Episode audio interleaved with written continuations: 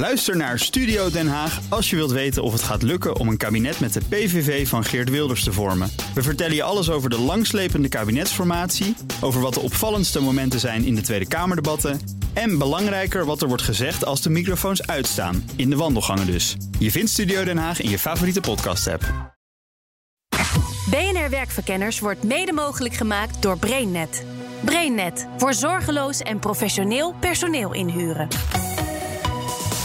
BNR Nieuwsradio. Werkverkenners. Rens de Jong. Flexwerk. Stinkt het hier nou een beetje? In deze werkverkenners gaan we kijken hoe het nou allemaal vroeger begon. Nou, het flex was bij klanten vooral af en toe nog wel een vies woord. Je zegt flexen was een vies woord. Ja, niet in alle branches, maar in de advieswereld waarin wij zaten... was het toch best eh, lastig om eh, te verkopen... dat je goede mensen niet op de loonlijst had. En hoe het zich ontwikkelde. Want nu zijn er tijdelijke contracten, payrollers, ZZP'ers en ga zo maar door. Er is een, een 50 tinten flex eigenlijk in Nederland ontstaan. Nou, je weet het hè. De wet arbeidsmarkt in balans is net ingegaan. En de commissie Borstlab komt op ieder moment met een rapport over de regulering van werk. Iedereen heeft het idee dat we iets moeten met die flexwerkers. Maar over wie hebben we het dan eigenlijk? Ik ben niet zo fan van ZZP'er, want ik vind dat altijd een term van de overheid of de Belastingdienst. Mhm. Ik noem het gewoon, je bent eh, of interimmer of uh, freelancer of een ZP'er. Met een paar oude flexrotten kijken we terug naar de afgelopen 20 jaar. En we horen over de wielen die zij al voor ons hebben uitgevonden. Verwachtingsmanagement is bijvoorbeeld heel belangrijk. De klant heeft vaak uh, toch een beetje een roze olifantje idee. En in de praktijk... Wat is het roze olifantje? Is dat een ja, dat is een heel hoog verwachting. Nou, dat is een heel hoog verwachting met betrekking tot het resultaat. Of de, datgene wat zo iemand mee moet brengen of moet performen. En daarnaast werpen we een voorzichtige blik in de toekomst. Ik denk dat er ook steeds meer netwerken, samenwerkingsverbanden komen waar mensen het werk met elkaar verdelen. Zodanig dat het voor de opdrachtgever steeds interessanter wordt om zo'n netwerk in te zetten. Want dat biedt veel meer continuïteit en veel meer vakkennis en expertise dan dat ze één individu binnenhalen. Want problemen in de maatschappij, in de wereld worden steeds complexer. Je kun je niet met één mens meer af. Rens de Jong. In deze werkverkenners kijken we wat we kunnen leren van de flexwerkers van het eerste uur. Hoe lang geleden deed flexwerk zijn intrede en hoe zag het er toen uit? Mijn naam is Tom Wildhagen. Ik ben hoogleraar arbeidsmarkt aan de Universiteit van Tilburg. We hebben het deze uitzending Ton over flexpioniers. W wanneer is dit opgekomen, dat flexen? Ja, als je naar Nederland kijkt, dan moet je eigenlijk uh, ja, 60 jaar terug uh, ongeveer. Zo. Uh, en dat is de start van, uh, van Randstad met economiestudent Frits Goldsmeding... die een scriptie schreef over flexibel werken in Amerika. En hij dacht, als ik dat nou ook eens opzet... tijdelijk mensen uitlenen aan bedrijven die iemand nodig hebben... Uh, dus in Nederland is dat echt wel het begin. Ja, en was dat uh, meteen een instant succes? Nee, helemaal niet. Dat was uh, natuurlijk een enorme afwijking van dat mensen permanent ergens in dienst zouden komen met een vast contract. En uh, die uh, had een paar mensen die op die manier wilden werken. En liep wat werkgevers af. En is twee keer van de trap gegooid met de vraag van hoe durf je met dit soort dingen te kunnen te, aan te komen. Hmm, ja, en waarom heeft het uiteindelijk dan wel uh, post gevat? Nou ja, in, in dit verhaal omdat uh, uiteindelijk bedrijven zeiden, zeiden... we zoeken iemand en we kunnen niemand vinden, dus laten we het maar proberen. Ja, en vervolgens uh, werden die drie mensen in de kaartenbakken er veel meer. Ja, en het groeide uit tot een uh, tweede grote uitzendonderneming ter wereld... Ja. die in 40 landen actief is. Ja, maar goed, Flex is dus begonnen als uitzendwerk. Ja, in Nederland wel. Je had natuurlijk al de mogelijkheid om mensen ook uh, een tijdelijk contract te geven. Dat, is, je kan dat eigenlijk uh, op alle fronten, ook met, met, uh, met huren, vast of tijdelijk. Je kan tijdelijk contracten afsluiten. Dus die mogelijkheid hadden we wel. Maar dat was echt de uitzondering. En die tijdelijke contracten, dat is later ook een enorme uh, flexstrategie geworden. Maar dat was nog lang niet zo zichtbaar als die, uh, die opkomst van uitzendwerk toen. Ja. Zijn er andere golven waar te nemen in de afgelopen jaren? Ja, zeker. We, we hebben in Nederland heel veel zaken ook min of meer ontdekt. We, we gingen oproep- en afroepcontracten doen, maar we gingen payrolling doen. Dat heel veel landen ook niet begrijpen wat dat precies is. Dus je werkt ergens, maar dat is niet jouw uh, juridische werkgever. Je werkt voor een ander bureau uh, wat jou in dienst heeft, maar uh, je werkplek is, is, is niet daar. Uh, dus wat, wat typisch voor Nederland is, is dat er echt een flexmarkt ontstaan is met allerlei varianten, uh, constructies, mogelijkheden. dus daar is een heleboel nog bijgekomen, behalve uitzet en tijdelijk. al die oproep en afroep en detacheringen, ZZP, contracting, dat je een klus aanneemt, maar niet zozeer de mensen die komen met die klus mee. Je hoorde Ruud Wijnands net al even zeggen dat hij twintig jaar geleden het gevoel had dat klanten flex een vies woord vonden. Hij stelt zich nu even netjes voor. Ik ben mede-eigenaar van het uh, adviesbureau Contact Consulting, uh, gevestigd in Utrecht. We bestaan uh, afgelopen jaar op 1 december precies 20 jaar. We zijn in 1 december 99 gestart. En, en wat doen jullie? En ons bureau richt zich vooral op het uh, verbeteren binnen organisatie van processen, IT-systemen en organisatievernieuwing. Ja, en wat doen jullie met freelancers? Hoe werkt het bij jullie? Ja, wij waren ooit in de veronderstelling dat je heel veel eigen personeel op de loonlijst moest hebben. Maar uiteindelijk zijn we ingehaald door de actualiteit en vooral geïnvesteerd in een freelance netwerk of ZP-netwerk. We noemen zelfstandig professionals. En die uh, groep mensen is steeds groter geworden, waardoor we nu bijna en alleen zo'n 80, 90 procent onze opdrachten alleen met freelancers invullen. Ja, jij zei nou, ik ben al 20 jaar met flexwerk bezig, maar dan vooral dus aan de opdrachtgeverszijde. Dat klopt, dat ja. klopt. Ja, wij waren natuurlijk aan het begin vooral op zoek naar opdrachten bij klanten, grote klanten, eh, om daar langdurig met veel mensen inzet te plegen. Maar ja, al gelang de tijden vorderden, kwamen er steeds meer vragen om specifieke uh, invulling van klanten. En dan heb je niet genoeg aan je eigen mensen. Op zoek dus naar flexibele krachten. En toen merkte hij, zoals gezegd, dat klanten flex wat vreemd in zijn woorden vies vonden. Ja, uiteindelijk zoeken ze natuurlijk vooral vaste mensen voor langere perioden. En uh, ja, een interimmer is A, duur. Uh, B, uh, iemand die een specialisme meebrengt... die ze dan zelf niet ofwel langer wil hebben. Dus uiteindelijk probeer je op zo kort mogelijke termijn... en zo snel mogelijk mensen te vervangen. Ja, ja, jouw opdrachtgevers die snapten dan niet... dat die mensen eigenlijk ook weer konden weglopen? Nou, dat nog sterker. Er werd zelfs gevraagd van... zit hij bij jullie in, in dienst? Of is het iemand die je van de markt gehaald hebt? En dan werd er al een beetje zuinig gekeken. Want? Nou ja, dat, dan was het uh, niet normaal. Hè? Dus dan uh, kwam je mensen aan die niet in loondienst waren, maar die bijvoorbeeld ook niet uh, permanent bij ons beschikbaar waren. Ja, en dan krijg je natuurlijk de vraag: ja, hoe goed ken je zo iemand? Past hij dan wel bij onze cultuur? En heb je wel goed nagedacht of hij het werk gaat doen wat, hij, wat wij willen dat hij gaat doen? Nou, dat, dat soort vragen krijg je dan in extremere mate dan bij eigen mensen. Als je daar het vertrouwen bij de klant van hebt. Ja. Is dat in die 20 jaar veranderd? Ja, dat is zeker veranderd. Uh, ik zie dat de markt uh, steeds vaker vraagt om uh, specialisten. Hè, en dat hoeft niet altijd fulltime te zijn, maar ja, ook parttime worden mensen ingezet. En vooral daar waar er gaat ontstaan. En zeker nu in deze fase waarbij de arbeidsmarkt wat overspannen is, meer vraag dan aanbod, ja, dan krijg je die vraag steeds vaker. Ja, dus het is geen vies woord meer. Nee, al lang niet meer. Maar zijn die vooroordelen er nog wel? Van joh, past er iemand bij de organisatie? Ja, zeker. Is het niet heel erg duur, et cetera? Ja, dit, dat laatste zeker. Hè, duur. Ik, ik heb een klant in Noord-Holland. Een grote klant ja, die continu de vraag stelt: ja, kan het niet goedkoper? Dus ja, als je ook 10% van de kwaliteit minder wil, dan kan dat wel.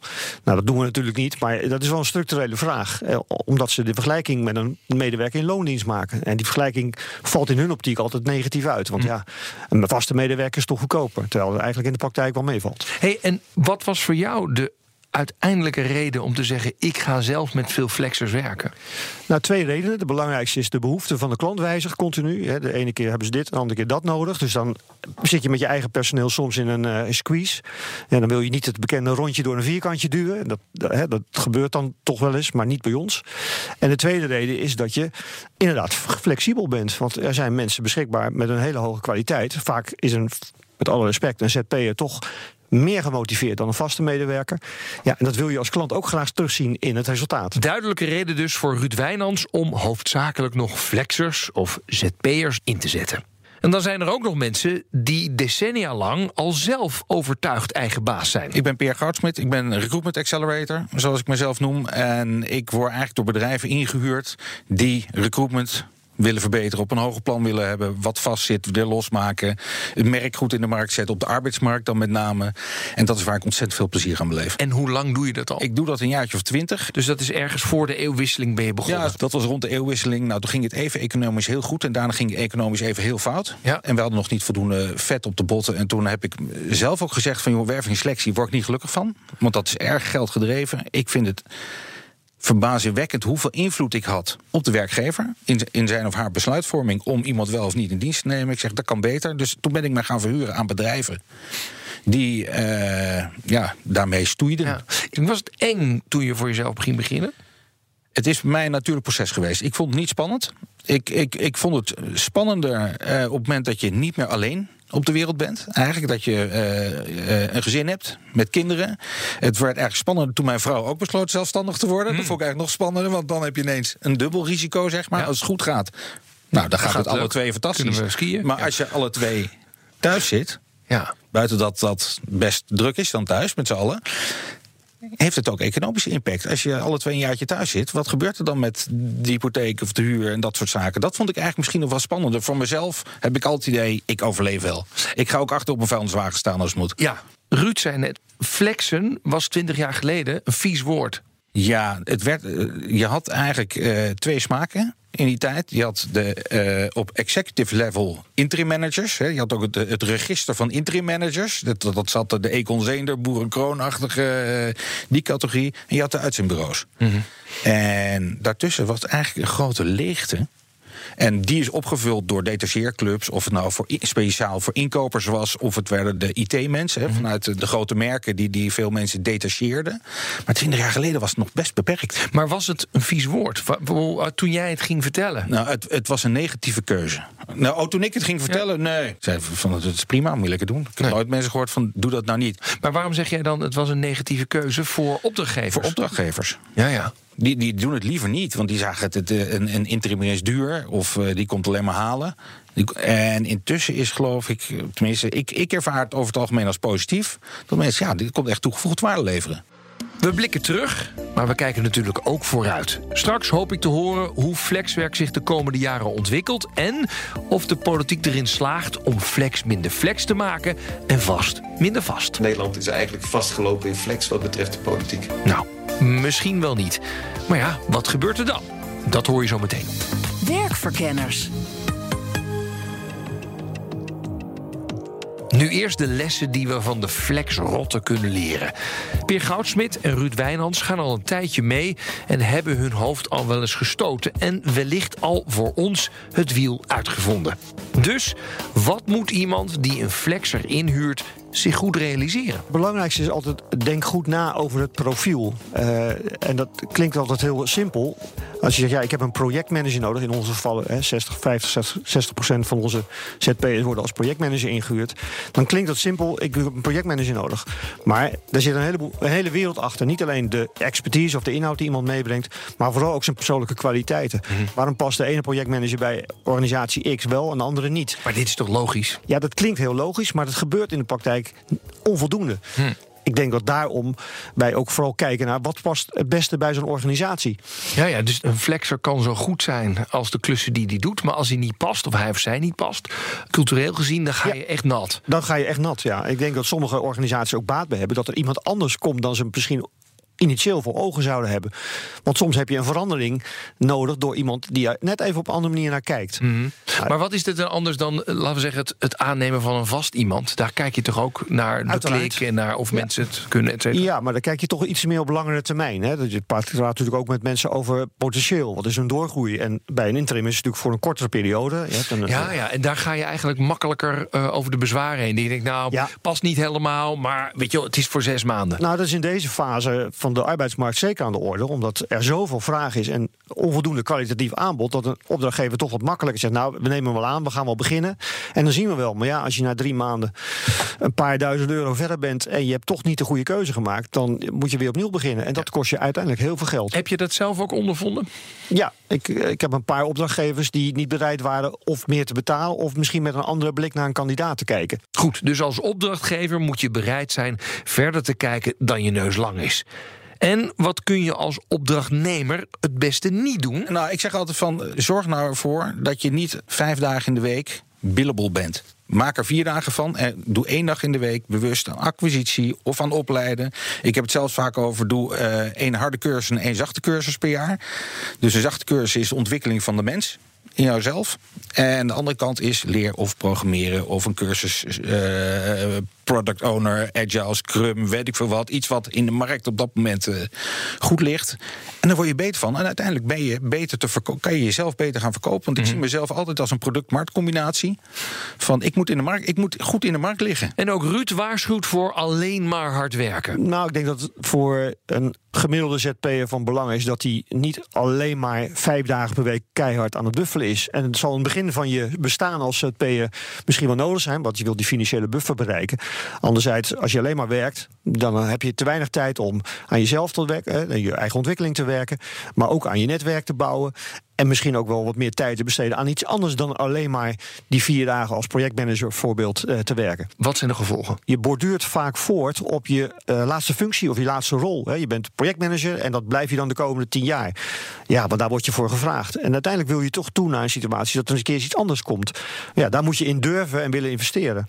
Nou, dat heeft met tijd te maken, maar ook met de durf, het lef om te zeggen: Nou, ik kijk naar de markt, wat is er nou nodig? En past het ook bij mij om die stap te maken? Ja.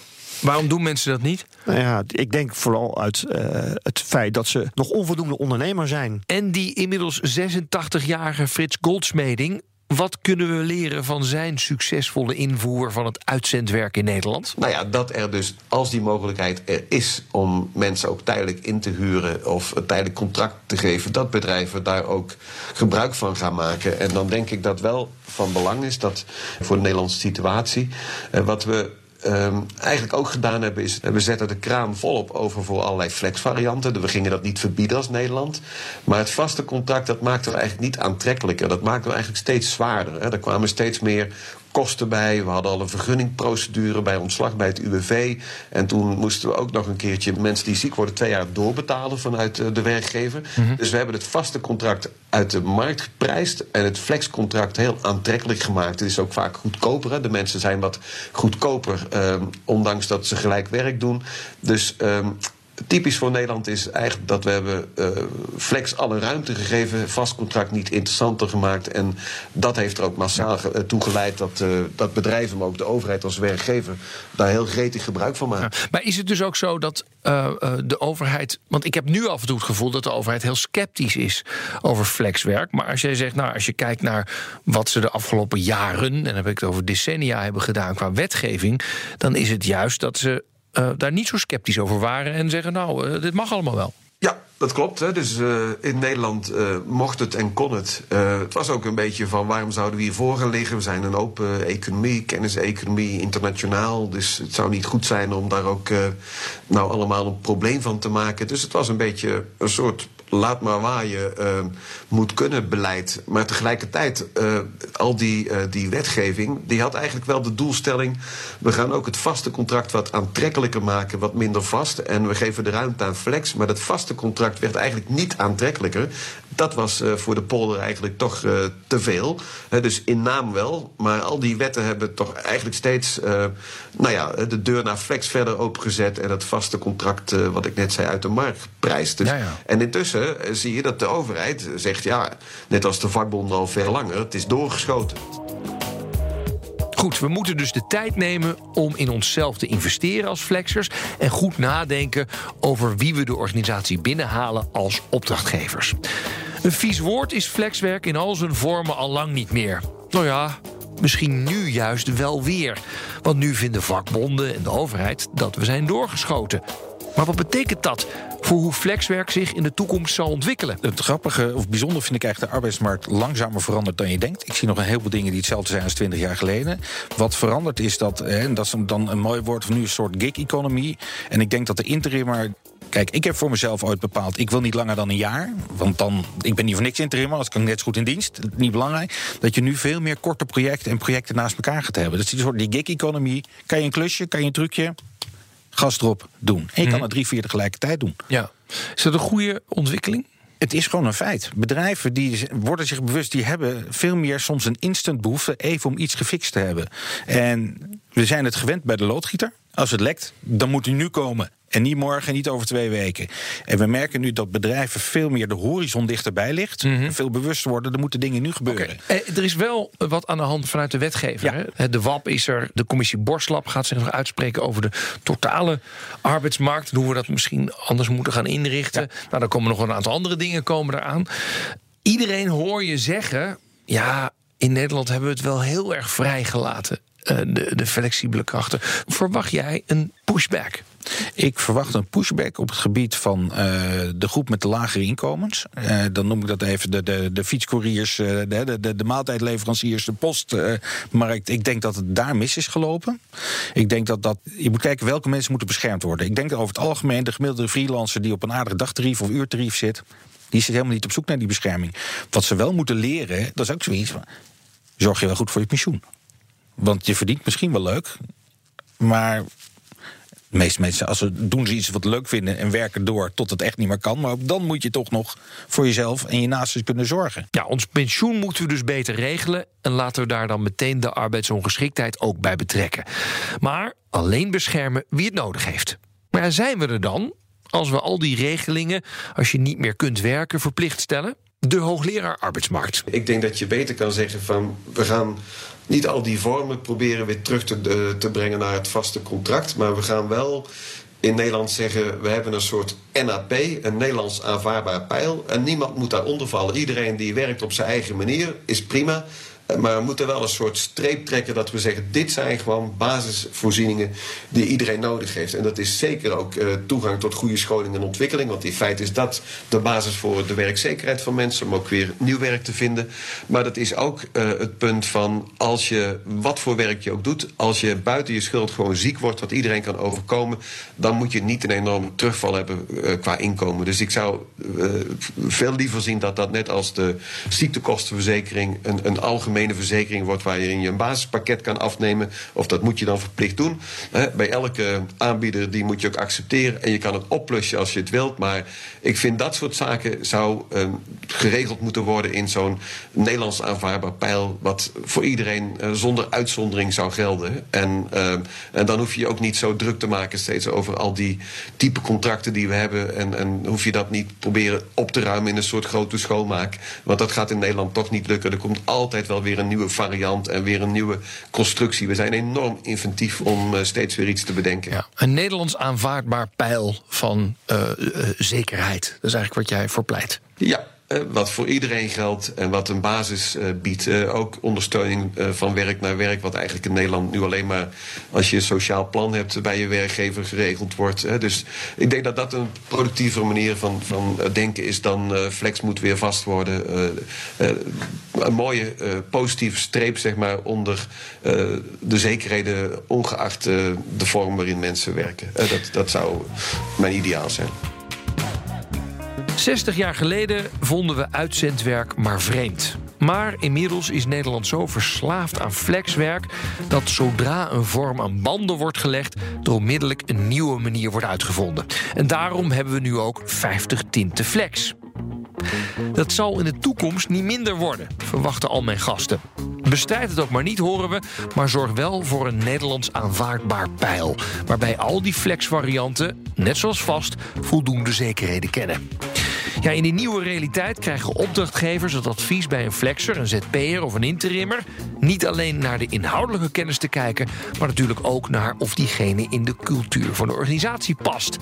En flexer werk jezelf niet over de kop. Ik denk dat eh, veel zelfstandigen vooral goed naar zichzelf moeten kijken. Waarom doe je dit? Waarom wil je dit? En hoe bouw je aan een persoonlijkheid of een profiel waarmee je de komende jaren vooruit kunt. En ik denk dat daar ook een, de key is. Hè. Als je echt in jezelf investeert, maar ook in samenwerkingsverbanden. Want ik denk dat samenwerken het meest essentieel is. Dat je daarmee een flinke slag kunt maken. Dit was Werkverkenners voor deze week. Volgende week krijg je weer een kakelverse op dinsdag om half vier. En in je podcast-app kun je hem op ieder moment terugluisteren. Tot de volgende keer. Dag. BNR Werkverkenners wordt mede mogelijk gemaakt door BrainNet. BrainNet voor zorgeloos en professioneel personeel inhuren. Ook Diana Matroos vind je in de BNR-app. Ja, inderdaad. Je kunt live naar mij luisteren tijdens de Big Five. Ook handig in de BNR-app. Breaking nieuwsmeldingen, maar ook het allerlaatste zakelijke nieuws. En je vindt in de app alle BNR-podcasts, waaronder Wetenschap Vandaag. Download nu de gratis BNR-app en blijf scherp.